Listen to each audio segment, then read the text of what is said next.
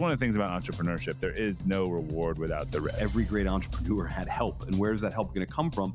It's going to come from that social network. You don't have to be smarter than everybody else to make money doing asset allocation and save. I think there's a danger when you're in business to find arrogance, and especially if you're doing really well. At the end of the day, I ain't nothing special. I'm just a guy. What has value? Well, what has value is whatever people say has value. I'm going to get better and better and better at what I do as I get older. So the best me is going to be the me right before I die.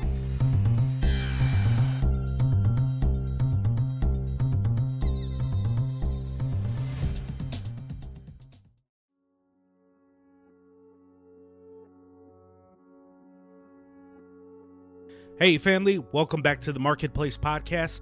I'm your host, Priest Willis, and today is episode number 126. Today, I have as a guest Dave Anderson, who goes by the Business Bully. Dave is a speaker, entrepreneur, number one best selling author who loves sharing knowledge and helping others on the topic of sales and entrepreneurship. He's been featured in several media outlets like The Breakfast Club, Ebony Magazine, AllHipHop.com, The Philadelphia Inquirer, and more. He enjoys sharing his message and speaks on various topics, including relationships, personal development to help people from all walks of life, including young people, transform their own lives. He's talking today about his book, Pitch, Close, Upsell, and Repeat, which is a sales blueprint for entrepreneurs everywhere. David shares his experience teaching you how to prospect with precision, close with confidence, and other sales skills you need to grow your business. I hope you enjoy this episode today. Listening closely, get a pencil, pen, get ready to take some notes. Dave is a great guy. So without further ado, here is my man, Dave Anderson. Hey, Dave, welcome to the program. Thank you so much for having me, Priest. I really appreciate this opportunity. Yeah, man, excited to have you on. So, what do you like to go by? You like to go by Dave or David? What's what's best for you? I, I like Dave. David, I'm usually in trouble with either my mother, the law, or my wife. So that makes sense. So, Yeah. uh, Dave, why don't you uh, tell the audience a little bit about yourself? All right. Well, when I was eight, I had a dog. No, uh, uh, my, you know, I, I have over 30 years of business experience, starting from my radio career, uh, where I worked with damn near everybody can think of: DJ Clue, Rickey Smiley, Kyle Santillian, Les Brown, George Wallace. Gosh, I've done just about anything that you can imagine in the entertainment industry. Uh, I'm an ordained minister. I retired. I started my career at nine, and I ended it at 34. So. I've been retired for about seven and a half years now. And in that Mm. time, I've built up um, one of the largest black owned business consultancies in the country, uh, the Business Bully LLC. You know, and that's how people tend to call me the Business Bully because I don't really allow people much room for excuses. And in a world where accountability comes across as bullying, well, then you have me. And so, that's pretty much what it comes down to, man. I, I hold you accountable and I help you grow your businesses. You know, so far my clients have made about $27 million and counting. So, you know, I'm happy with where we are, but we're always looking to get to the next level. And, you know, things like this, you know, really help to uh, expose people to what we have going on. So I'm really honored to be here. So thank you again. Yeah, thanks, man. You know, when I first came across your name, you know, as I told you offline here, I've digest, digested a lot of your content, read your book, which we'll talk about a little bit, and I mm-hmm. read Business Bully. I'm like, okay, here's another. You know, because one thing I'm I'm I'm kind of tired of is the business people for business people. You know, the the um. Well, I won't put any names out there, but just in general, I'm like, okay, we got this dude. But it makes a lot of sense in terms of you calling yourself business bully, and then when you start listening to your podcasts and reading stuff, the way you push and try to encourage people to get over the hump, and you even talk about some of your own struggles, like, hey, I've taken some of my own medicine, so I'm not just trying to push you just for the sake of pushing people around. You really have been a part of what you saying in your name, right?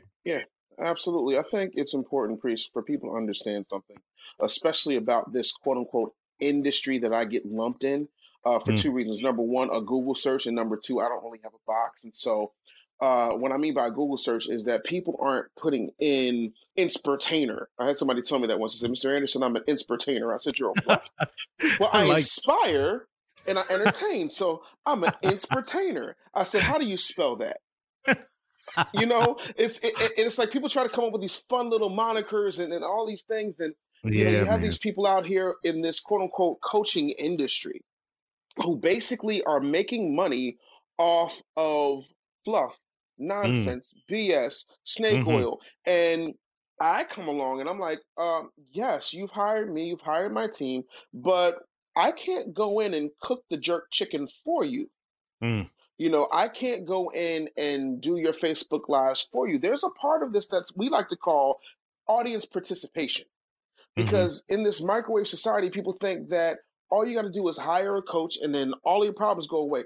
Well, Phil Jackson came along and Michael Jordan won six rings, but it's not because Phil Jackson took off his, you know, two thousand dollar Brooks Brothers suit and suited up next to Jordan and started giving him the give and go, the alley oops, and the ability to fly from half court. Mm. You know, he Mhm. called the plays, Jordan executed them, and they went like this: all y'all stay out of Jordan's way, give Mike the ball.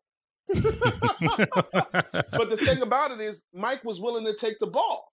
Most Yes. people don't want to take the ball. Everybody else wants to have somebody to blame so that they are not accountable, so that they stay in constant victimhood. And as a result, they don't move. And so they'll say, well, this person didn't work and that person didn't work. And granted, Priest, 97% of these quote unquote business coaches out here are broke.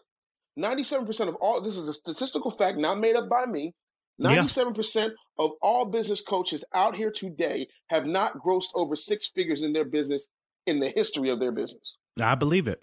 And so, for those of us who have and have done more than that, it's a shame that we're lumped into there because we have to call ourselves business coaches because that's what you're looking for.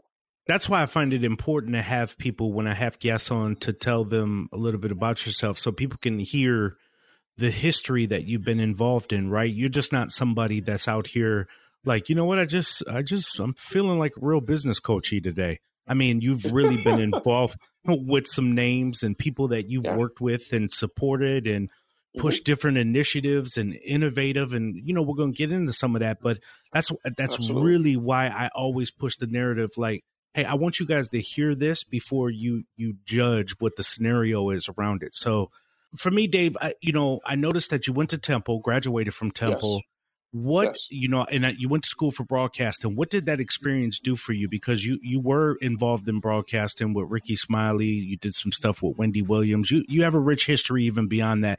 But what what do you Mhm. think you took away from college once you started launching off into the world of radio?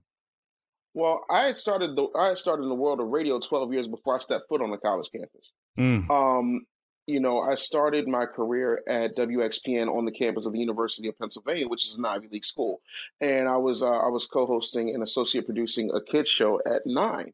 And people are like, well, how is that possible? And I'm like, well, how is it the Olsen Twins are the number one show in America and they were toddlers? You know, there's no there's no limit to what a child can do. It's only the limits of your mind that you put on the child. You mm, know, and so mhm. you know, I was really, really lucky. I had uh, made a phone call, and Curly Neal from the Harlem Globetrotters was on the other end of the phone, and I was asking him questions um, related to a trick I saw him do when my parent, my father, had took my brother and I out um, not too long after my parents' divorce, and I remembered it because it was one of the first memories I remember post Edith and Carl breaking up. And he was like, you know, I haven't done that trick in probably seven years. He was like, how do you remember that? He was like, what were you three? I said, yes. He said, wow. And then, unbeknownst to me, after the call was over, he was like, yo, y'all should hire this kid, and the rest is history. And so by Mm. the time I got to college, you know, I was doing that. I'd already done TV. You know, I'd been in a couple of little uh, small bit parts in TV shows, movies, things of that nature. Turned down a few things that, you know, I don't regret um, because it wasn't for me. But Mhm. I had already had that experience. So there wasn't much that the broadcasting program could teach me. But here's what I learned from college. Number one, I learned how to I learned how to manage up and manage down. Number two, I learned that college has this thing called a curriculum budget, right? Peep this. So every student, in order to keep them from going insane past the freshman 15 and all this other stuff, they allocate anywhere from about 15 to 2,000 dollars per student, depending on the school, for what they call recreation, stress relief, and merriment. really And that money is, yeah, that money is then put in a pot, and it's usually governed by the uh, student council or some type of board that is student uh, run but uh, academically advised. And so if you have an organization, then you can then petition that board for a piece of those funds. So I created about three or four different student organizations. and I would do things like rent. Uh, I would rent like tour buses and then take people on shopping trips to, to the outlets um, in suburban Pennsylvania. We would do road trips to the the aquarium, and then we give away PlayStations and you know all different types of big screen TVs, everything, and it was all on the university's dime.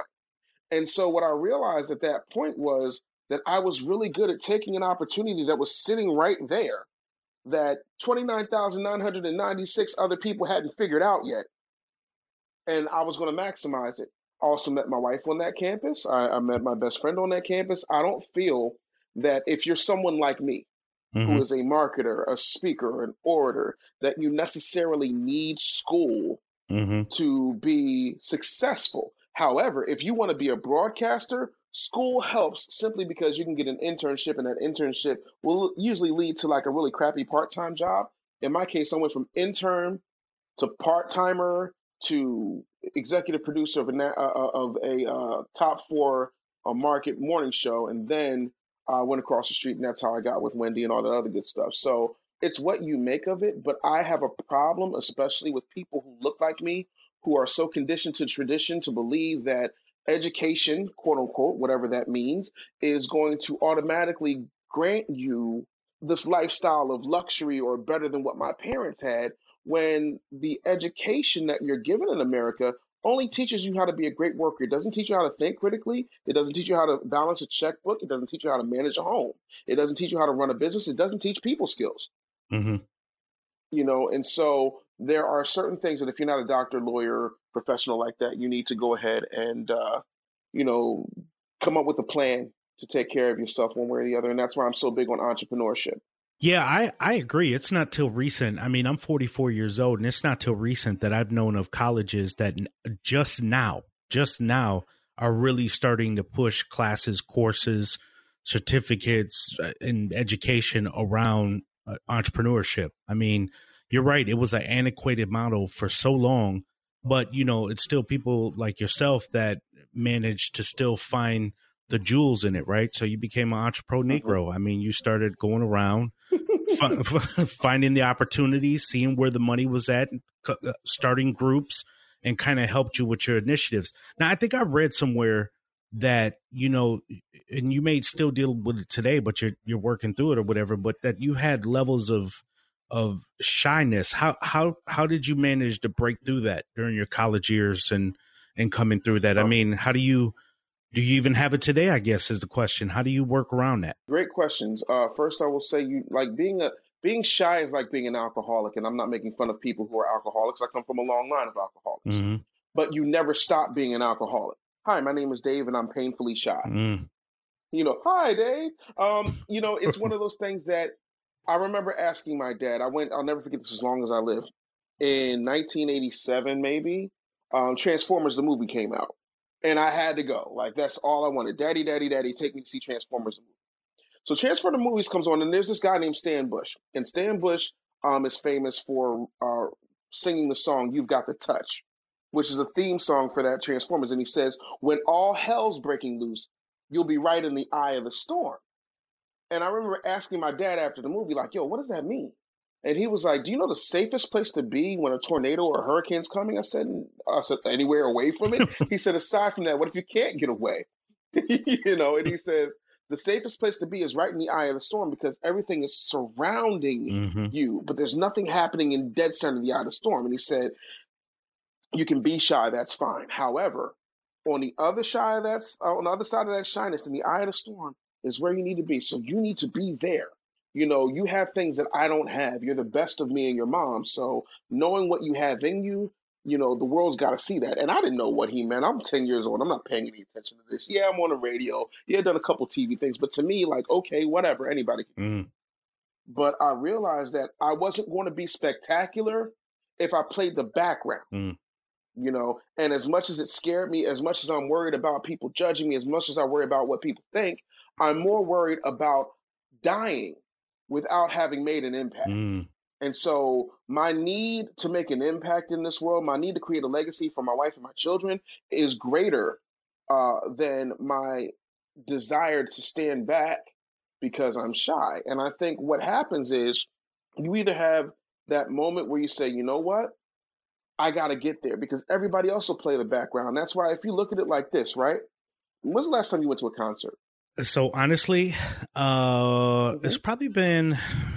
So it depends on what kind of concert. Music about five years ago. Comedy about a year ago. Okay, who did you see? Uh, who, who was the comedian? Uh, comedian was Aries Spears.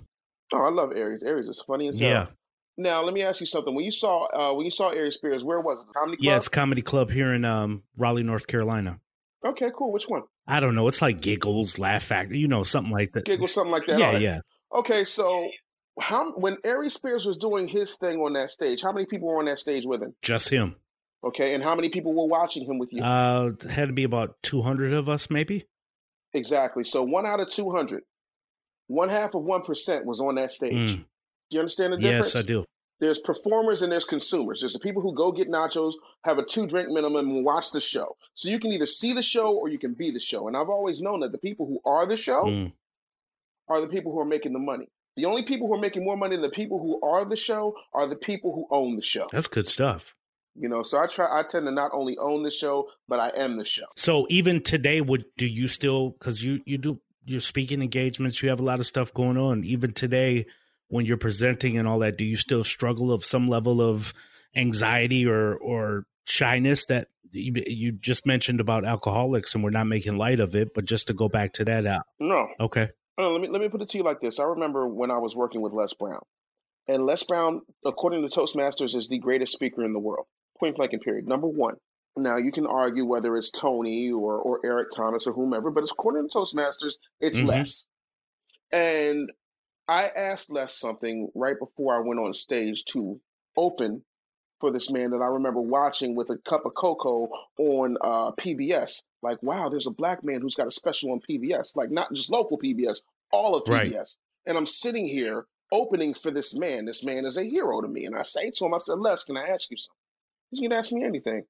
I said, does it ever go away? He said, what? I said, the nerves. I said, do you ever stop being nervous? And Les, in his own, you know, way that that crazy laugh of his, he was like, no. he said, I'm nervous any t- every time. I said, Les, you played to the Georgia Dome, sold out. I saw you. I said, you didn't look like you were nervous. He said, I didn't look like I was nervous. He said, I was nervous, but my bills were even scarier than my nerves.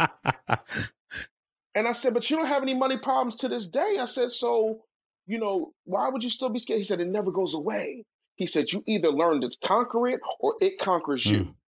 You know, so I'm always nervous. I'm always thinking about it. Now, here's the other part of that, because this is important.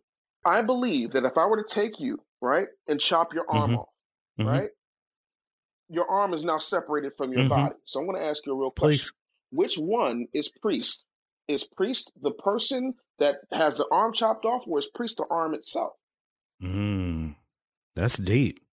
I'd like for first. The answer is Yeah, go ahead. Go, no, no. The answer is Right. neither. The answer is neither. You are a spiritual being living in a body. So if you're a spiritual being, then you come from some other place, and it has been proven that we are carbon-based life forms, and the sun in and of itself is carbon-based. So we get our energy and our life from the sun. If the sun snaps out, everything's done, right? hmm So if we're made of the same stuff that lights up the sky in the universe, right? And we come from that part, there has to be something in us that we're called to do, that we're destined to do. The sun is destined to burn until it can't burn no more. There's something inside of you when you operate in that space, whatever that thing is, you are connecting to that thing that is beyond you yourself in that meat suit that you're driving around that you call a body. Having said that, I will say this from 1991, when I gave my first speech that I actually wrote, till right now, I have not written a speech. I wrote that one speech in 91. I bombed. I said, I'll never write another speech again. I'll get on stage. I'll know what the topic is. I'll understand who the audience is. I'll know exactly how much time I have. I'll get on. And from the second I say hello, I can't tell you what I said. I literally black out. Mm. And when I come to, when I'm done, I come to, and then I'll get off the stage and I'll ask my assistant or my wife or whomever is with me. I'm like, yo, how was that? They're like, oh my God, do you see these people? And I'm like, yeah, they seem to dig it. You got a standing ovation. Oh my God, it's incredible. I'm like, okay, cool. What did I say? Because I like I don't know. It, it, it's a spiritual thing, and as crazy as that might sound to some people, when you operate in what it is that you're destined to do, you don't have to think about it. No, I I And totally there I is. totally get it. For someone that has been in ministry, and I've, you know, you and I talked about this offline, but I've been a, a ordained pastor. I said I, have because mm-hmm. I've been because I don't, I don't, I haven't. I planted two churches, pastored one for a couple years in Milwaukee, Wisconsin, and these are the same principles. I think when you, you know, would you do something that is a gift for you is sweatless. It's so it's just mm-hmm. something that looks really easy to people, even though you still work at it. Don't get it twisted. I mean, there's still work, there's still effort, but to your point, mm-hmm. sometimes you just flow in it. You it's it's just mm-hmm. a flow. So you going up speaking, I totally understand what you're saying by you just kind of living in your gift and then in some sense stepping back from it and that that's how people get caught up in judging other people by saying oh but I, he went up and told us how to discipline this but you know i'm a bigger guy. So they're like yeah uh, but i bet he can't stop eating cheeseburgers though. How come you, like your gift don't work for you? And it's not it's not the same. It really is kind of different mm-hmm. in how it operates in different people. That's good stuff man. I'm trying, brother, but yeah, I, I have a cheeseburger addiction, you know. Um, but so right, right. You know, I remember, uh, you know, there was a comment saying, "Oh, well, damn, he mar- he married a lingerie model," and somebody said that's because his pockets stick out more than his belly, quoting that Mike Jones song. But you know, it's like I don't really care that much because here's the thing. Like I said, man, there's a, one half of one percent is on the stage. Right. They're watching me, you know, and, and that doesn't mean that I think that I'm bigger or better than anybody. It's just that I I believe that people who are focused on goal accomplishment don't have time to give people their opinions about other people they've never met, don't know. True. You know, so that's kind of where I am in it. You know, somebody's always gonna have something to say, and what they got to say about me ain't my business. So that's true, man. And I think I think you know, so I I only have Instagram purely for my business. I'm not on mm-hmm. Facebook at all. I mean, granted, there may be some opportunities lost in the connections, but I can tell you, I've I've had a lot more peace taking some social media sabbaticals. I think I think social media is toxic in a lot of ways, man. I mean, you know, people are out here trying to do stuff, and rather than listening to the message or the content that you're putting out there, they're focused on your pockets and you know cheeseburgers and lingerie models and your wife and all that stuff. And it's like, hey, man, did you hear anything I said on the show though? I mean, yeah, I I, yeah. I, I don't. it's it's a hard thing, but the thing I'll say to, to that is this: Jesus once said that my sheep will hear my voice. Mm. You know, everything ain't meant for everybody. Now, if the Son of God had sense enough to realize that everybody wouldn't follow him, what makes me think that everybody's going to follow me, or that everybody's going to get it, or I'm not going to have someone who has, you know, something to say? That's just that's part of the gig. You put yourself in the public specter, um, that's what's going to happen.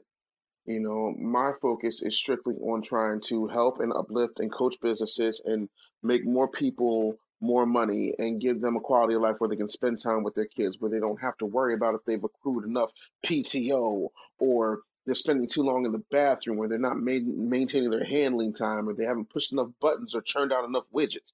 Like, damn that.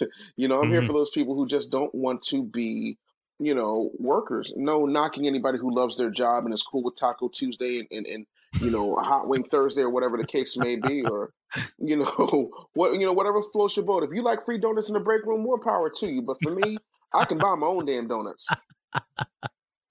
That's right.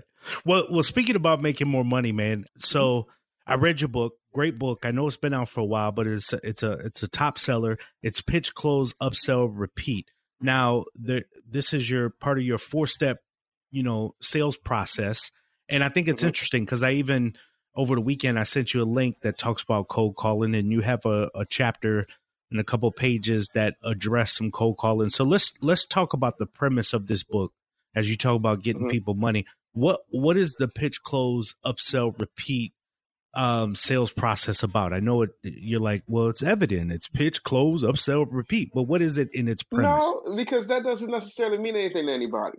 Uh, so right. let me put it in layman's terms. My, I I contend that everyone, whether they choose to admit it or not, are salespeople. Those who choose to admit it are really good salespeople. Those who who who deny it or hate it because of a stigma or something along those lines either have that men, that mindset or they suck at selling. Mm. And they suck at selling because they are not in touch with who they are. And I always come from a place of authenticity. If you've ever been the, t- like, I'm black, okay? And I got me a and black you, mama. me and you both. That's such a No, coincidence. it really is, right? yeah. Big black burger loving people got big black burger loving mamas. But the point of it is, if you're black like I'm black, like I'm a child of the 80s, and I remember my mother giving the same famous black mama speech that apparently millions of other black children have gotten in the 1980s, and it goes like this. Now, we're going to go in this store. I'm going to get what I came here to get. Don't touch nothing. Don't ask me for nothing. If you do, I'm going to tie fire to your ass or some form of that. And I was a kid who looked at that and said, hmm, challenge accepted. Fight. you know, so I, you know, I, I it got one. I got. I used to get. I used to get teased, and I used to get bullied as a kid. And I remember one day these kids wanted me to play wall ball with them. Now I don't know where you're from, but in Philadelphia, at one particular point, wall ball was an unofficial hood sport. Hmm. Is Now, that like dodgeball? ball Is yes and no. So here's how wall ball is played.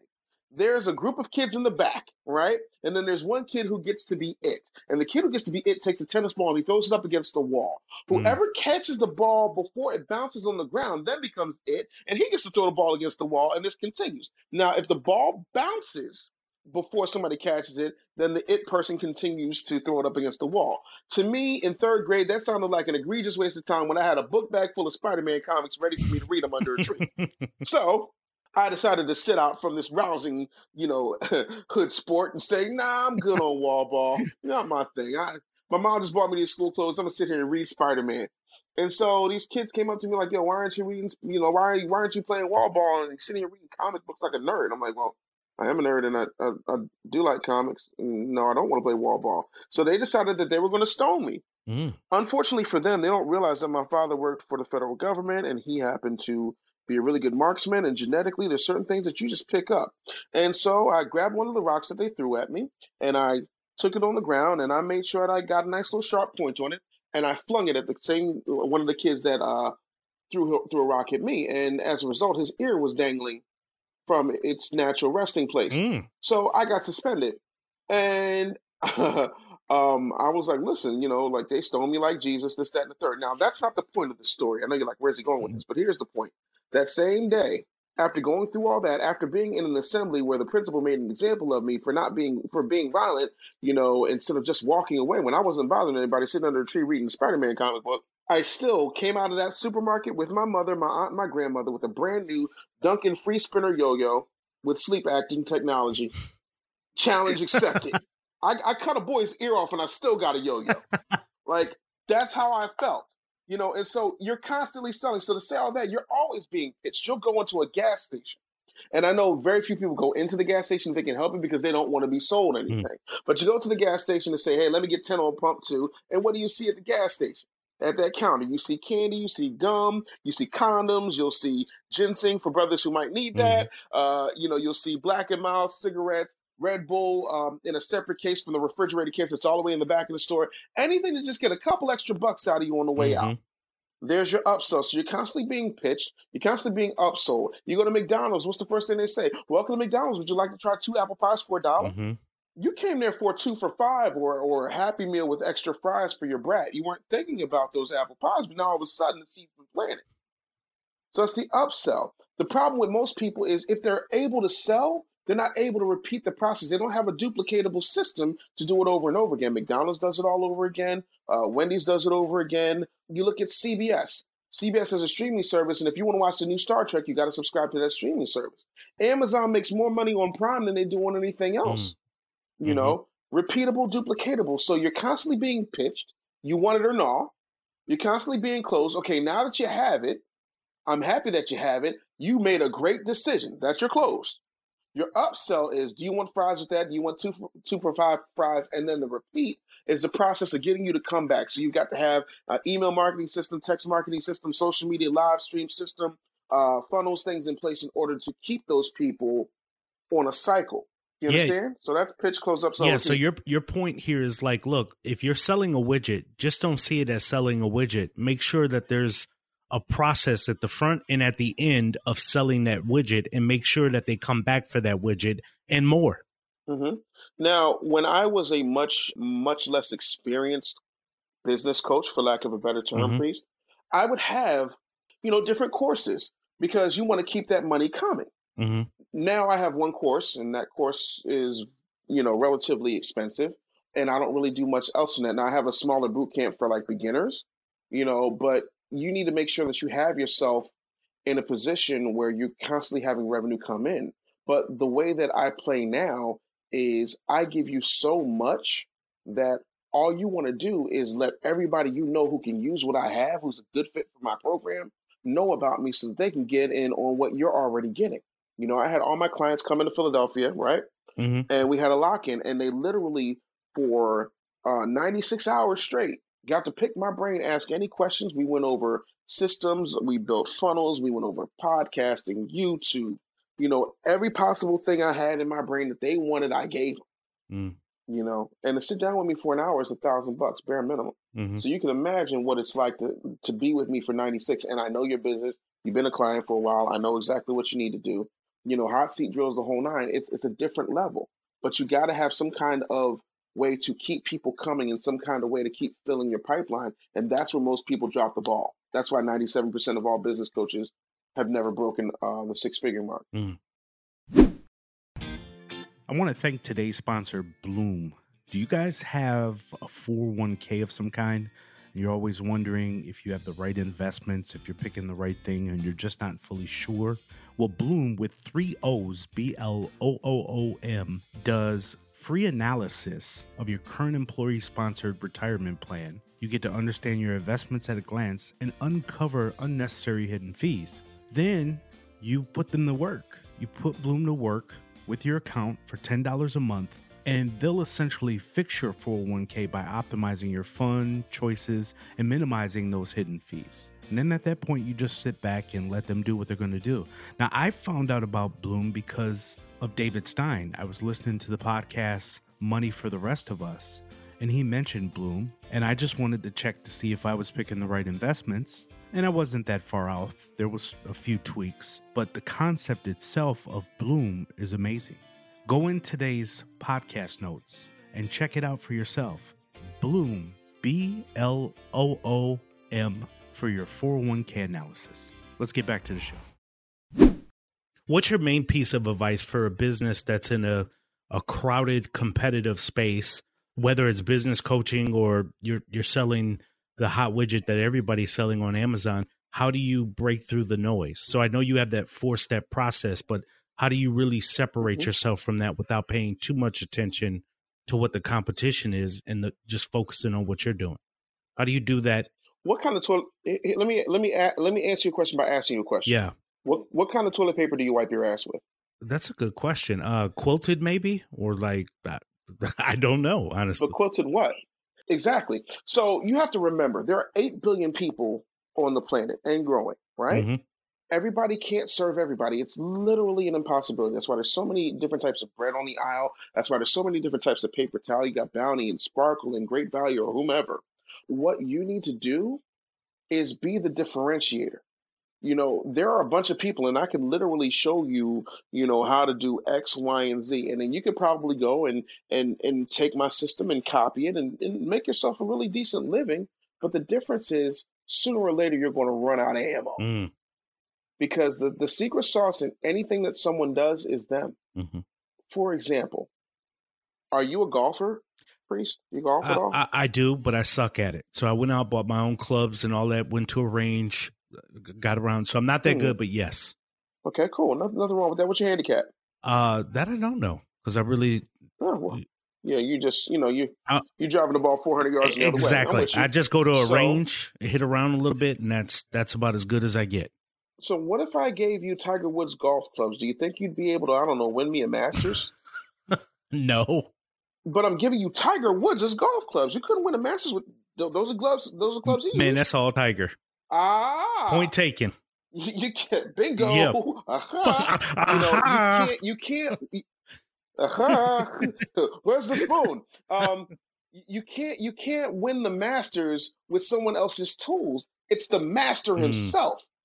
You know, so you have to master what it is. I have this thing, Priest, that I don't tell a lot of people outside of my coaching community, but I'll tell you and I'll tell your audience because I appreciate your platform. So here it is. Thank you. I have this thing called the 104 principle. Have you ever heard of it? Never. No. Okay. So let me let's do some stupendous math. Once upon a time, a woman told me that you know you can't run these figures and do this that, unless you just do stupendous math. So from here on out, everything I do is hashtag stupendous math. So let's do some stupendous math right now. How many weeks are in a year, priest? Uh, 52 weeks. 52. So 52 times two is Uh, 104. Exactly, 104. Now, the average American reads approximately four to eight books a year. Mm-hmm. So, if they're reading four to eight books a year on their particular level of expertise or their particular um, subject matter that applies to their business, and I'm reading two books a week, Mm-hmm. and they're basing their decisions on four to eight books a week, and I'm basing my decisions and my practices and my abilities and my skills and my talents and my thought processes and my systems on 104 books a year. You you are. Who do you think's making more? absolutely you. You're reading, you know, 90 plus books more than them or whatever the case is. You're absorbing a lot more knowledge. Exactly. So my 104 principle is you you have to be able to knock out two books a week. And now people will say, "Well, that's easy for you to say. You don't work a job." And it's, hey, man, I got two kids. I got two kids, and I got a wife, and I got a mom who got to have a hip replacement next week. Mm. You know, and I got a brother who I worry about every single day because he's a cop, and I'm worried that sooner or later he's going to get shot if I don't go ahead and retire him soon. Mm. So don't talk to me about your problems. Talk to me about your possibilities. You know, there's so many things out here now. There's there's a mentor box. There's Audible. Um, there's Kindle. You know, there's um, summations of books where you can get, you know, the the the um, the the main idea of things. If you dedicate yourself to something, they say it takes ten thousand hours to master anything Mm-hmm. you know, and you know that's ten years for most people. I've been at this for thirty, so for seventy-five percent of my life, I have been working at business, entrepreneurship, growth, development, hacking. You understand what I'm saying? absolutely. And that doesn't make me better than anybody, but it does put me in in in a in a place where because I did not have like because keep in mind, even though I was working on this, my career started, you know, professionally, 100% full-time entrepreneur, no job, no nothing, just me, in 2011 because that's when I retired from radio. Mm. So 2011 to now, you know, I've done in seven and a half, eight years what it took, you know, Vaynerchuk to do in 20, what it took John to do in 25. And the reason that I was able to close the gap so quickly that I'm now considered a peer of those people is the 104 principle. You know, Jordan would would would do 3,000 shots before and after a game. Mm-hmm. You see what I'm saying? Most people Yeah. aren't willing to put in that type of time. You know, you got people, ah, I'm getting up at three o'clock in the morning, and your team is doing your work. Mm-hmm. Or I'm a coach and I'm making all this stuff happen, and I've got red bottom shoes, and you've got a husband who's a millionaire. Like there's so many different people who are fraudulent on so many different levels in this game that they make it look like they're you know they're not doing it all. I still drive my kid to school every day. I go Mhm. back and forth to Howard from Philadelphia to see my oldest kid, make sure she's straight, moved her into her dorm. You know, my mother lives in Arizona. You, you see what I'm saying? Like, I'm actually still living life and doing this. And I got the same 24. But the difference is, I use my 24 based on 104 pieces of information a year. You use your 24 based on four to eight. That's really good. So what what books are you reading right now?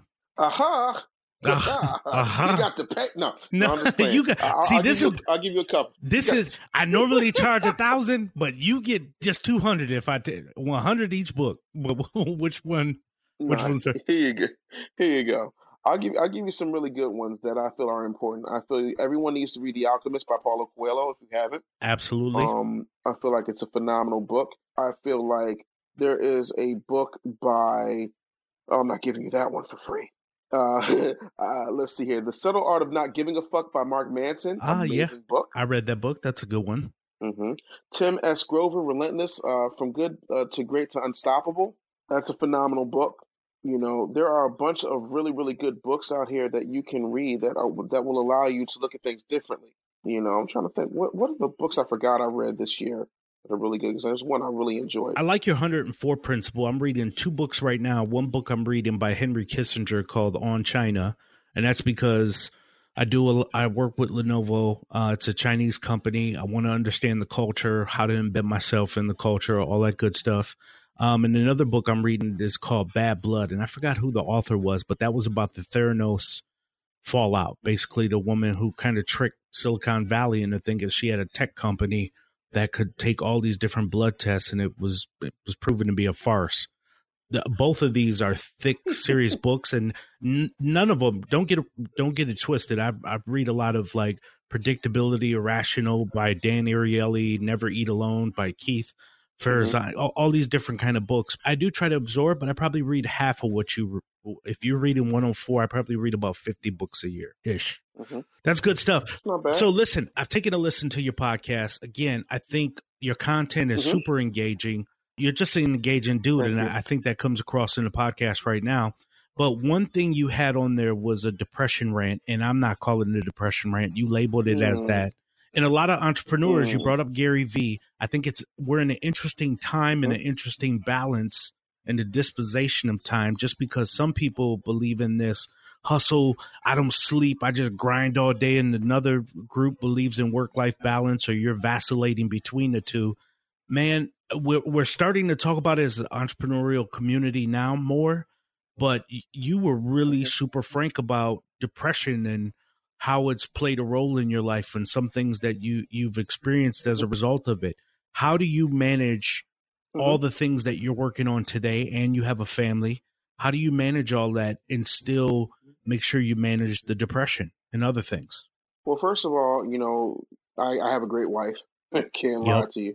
I got a great wife who probably puts up with more shit than, you know, anybody should. Mm. And that's just me being honest. Mm-hmm. I have you know, people say, you know, it's cheaper to keep her. No, it's more expensive to lose her. Facts. You know what I'm saying? Like, I, I would not, like, I can remember, I know when I sat in bed one day, this is even before um, my youngest child was born. So this is going back maybe five years. So I'm two, maybe two and a half years into this entrepreneurial thing, trying to figure it out, you know, taking jobs just to get an idea of how to do certain things better. And I remember one day I'm up I'm in between gigs and I go on a GoDaddy and I buy a twelve dollar website. And she's like, "What are you doing?" I said, "I'm building this website." You know, and she was like, "Well, what's it for?" And I said, "I'm not exactly sure, but I'm pretty sure this is going to be the thing that allows us to make more money." Mm. And she was like, "All right, cool." You know, and it takes like there we live in a, such a, a society now where you know thought tendencies and whole shit is rewarded and um, you know deviant behavior is applauded and no one wants to see somebody through you know? You don't have anybody shooting in the gym with you. Well no my wife hasn't shot in the gym with me. She doesn't close deals for me but what she does do is she lets me vent. Mm. she gives me great ideas. Um, i'm not the most organized dude in the world. She keeps me organized. Mm. she makes me look mm-hmm. good aside from that you know, my kids are very well taken care of. And yes, I do help with my children immensely, but I would lie to you to say that I didn't, like, I'm a great dad, but a father's job versus a mother's job, you can't put a price. Same on. here. Same in my house, man. You yeah. know, so, you know, people talk that game like, you know, my, my wife is, is critical. So that's one. Number two, I'm not ashamed to talk about mental health when there are people who I know personally who have depression and anxiety who will not tell you that they have depression and anxiety. And these people you know who are famous, mm-hmm. who, you know, have millions of views and all these people looking up to them and they're a wreck inside. I'm a wreck inside, but my wreck is very, very well meditatively and medically managed. Mm-hmm. you know what I'm yes, saying? I, do. I also believe that and I'm not trying to be funny or arrogant when I say this, but I also believe when you have a certain level of genius, there's a trade off. Mm. And my trade off is that I'll never forget the first time that I recognized that I was depressed. I was 1994. I was watching the Jackson's American Dream special. And I think it was part two, where Michael Jackson was a teenager, mm-hmm. and he was hugging on to his mother, and he was saying to her, "Look, they're looking at Michael Jackson. Look, he's ugly. He's got pimples. He doesn't look like he did when he was a kid." And she was like, "You got to ignore that." She was like, "But what else is wrong?" And I'm paraphrasing, and he says, "I got so much music in me that I just wanted to come out." Mm. Bro, I've got so many ideas. I've got so many ambitions. I've got so many books. I've got so much stuff inside of me that sometimes I can't quiet my brain. And the fact that I have so much on me and in me is overwhelming because I feel like I've been given 20 people's dreams, but they're mine. And I don't know. I'm racing against this clock knowing that no one gets out of life alive and that you got to die to leave here and this isn't a dress rehearsal, am I going to get this out before the clock stops?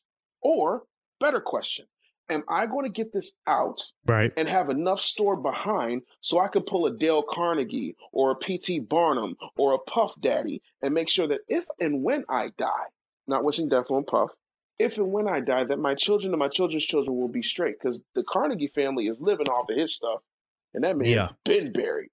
That man's more dust than the Thanos snap. Do you, do you understand what I'm saying? And so that in and of itself um, has a certain level of overwhelm. Yeah. So you're thinking of legacy, just the the things that you're trying to build for your family that go beyond just the day to day tactical stuff too. Absolutely. And if you're not thinking of legacy, why are you here? Agreed. I totally agree. I mean, that's you know, the older I get, for me myself, you know, I've certainly taken a closer look at legacy. I know both my mother and father have passed away. I was very appreciative of what they've done. They're my greatest role models to this day. And uh, my mother died when she was 46, so I was 21 or somewhere thereabouts. And my dad just died in 2013. Um, and I realize now at 44, I need my dad more than ever. And it's interesting though, the the impact that we leave. And I think there, you know, it is beautiful in a lot of ways that there's the YouTube so that we can kind of leave a footprint for our children in a lot of ways to see how hard we worked and not for ego's sake, but to show that, hey, this ultimately was for you because I can't take none of this with me. And that's that's something that I wish, you know, particularly more of our community would see that there's there's a greater call than just what you can flash for the day or how you look.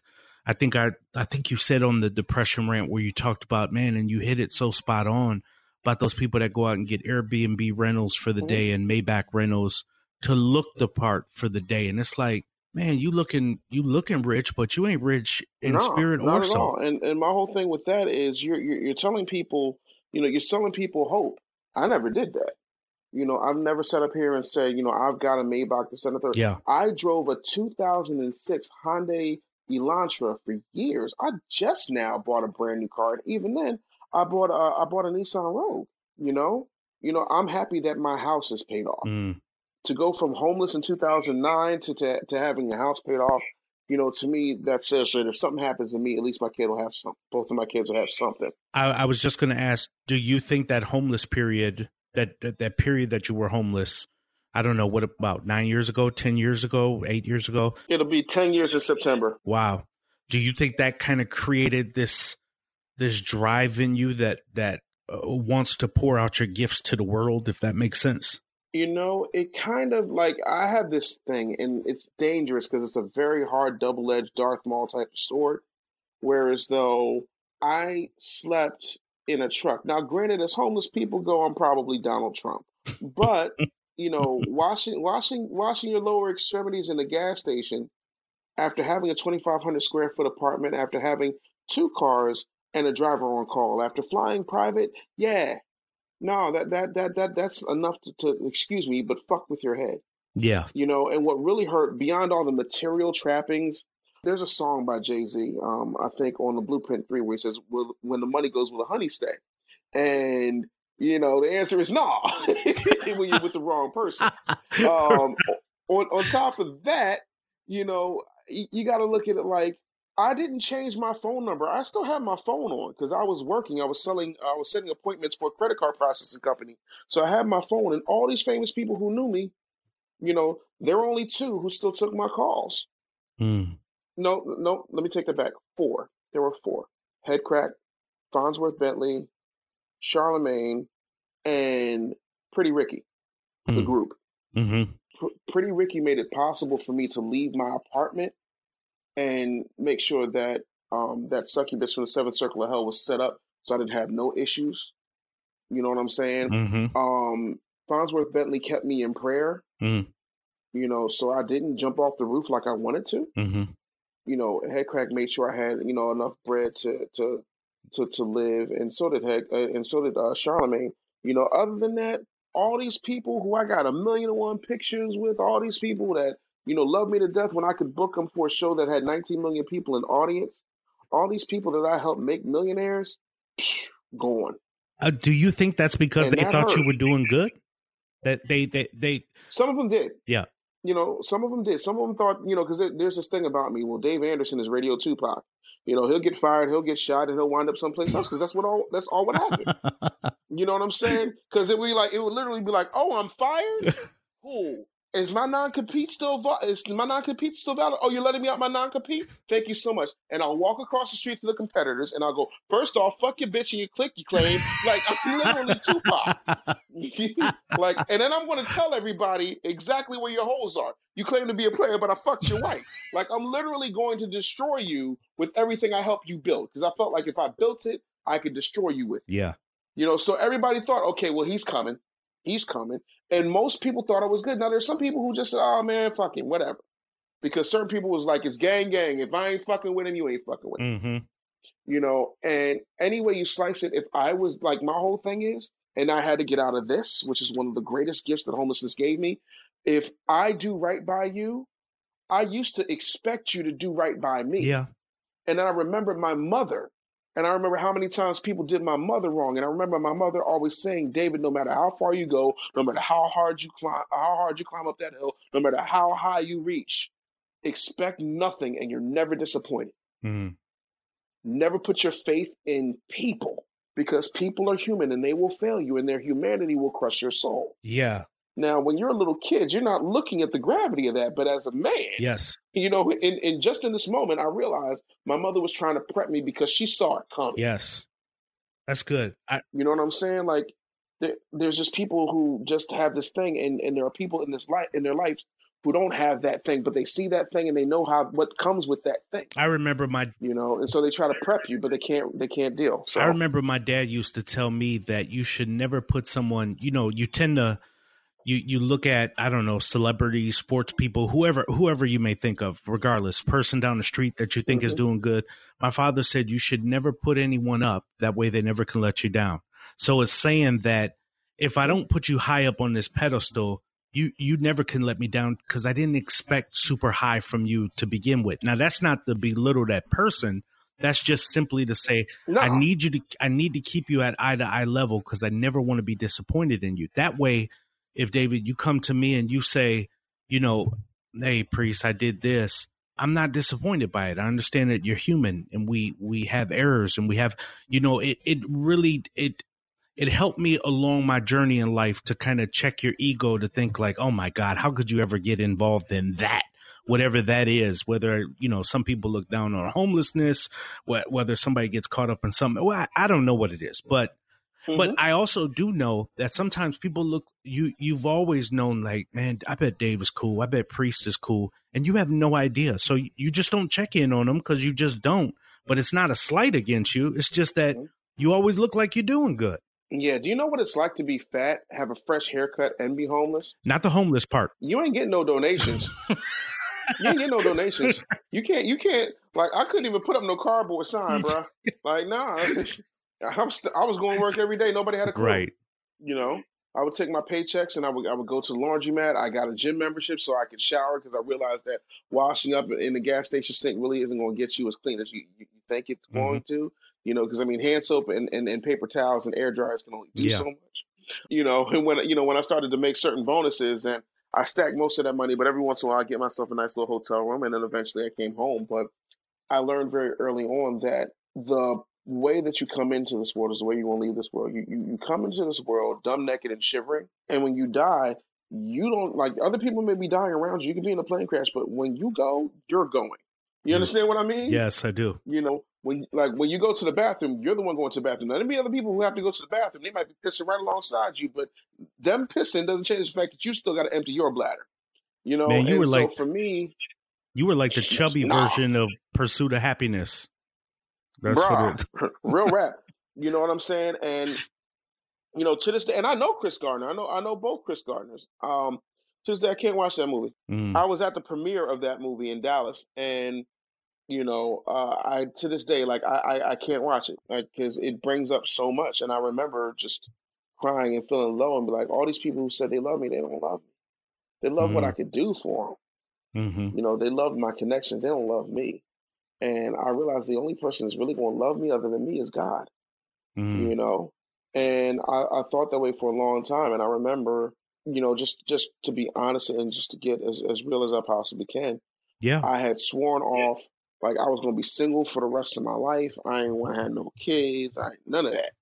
And I said, God, listen, I don't know why I'm sitting here praying to you right now because you ain't really on my best friends list right now. Partner, you ain't getting a Christmas card from me, God, but I'm talking to you because I'm compelled to pray.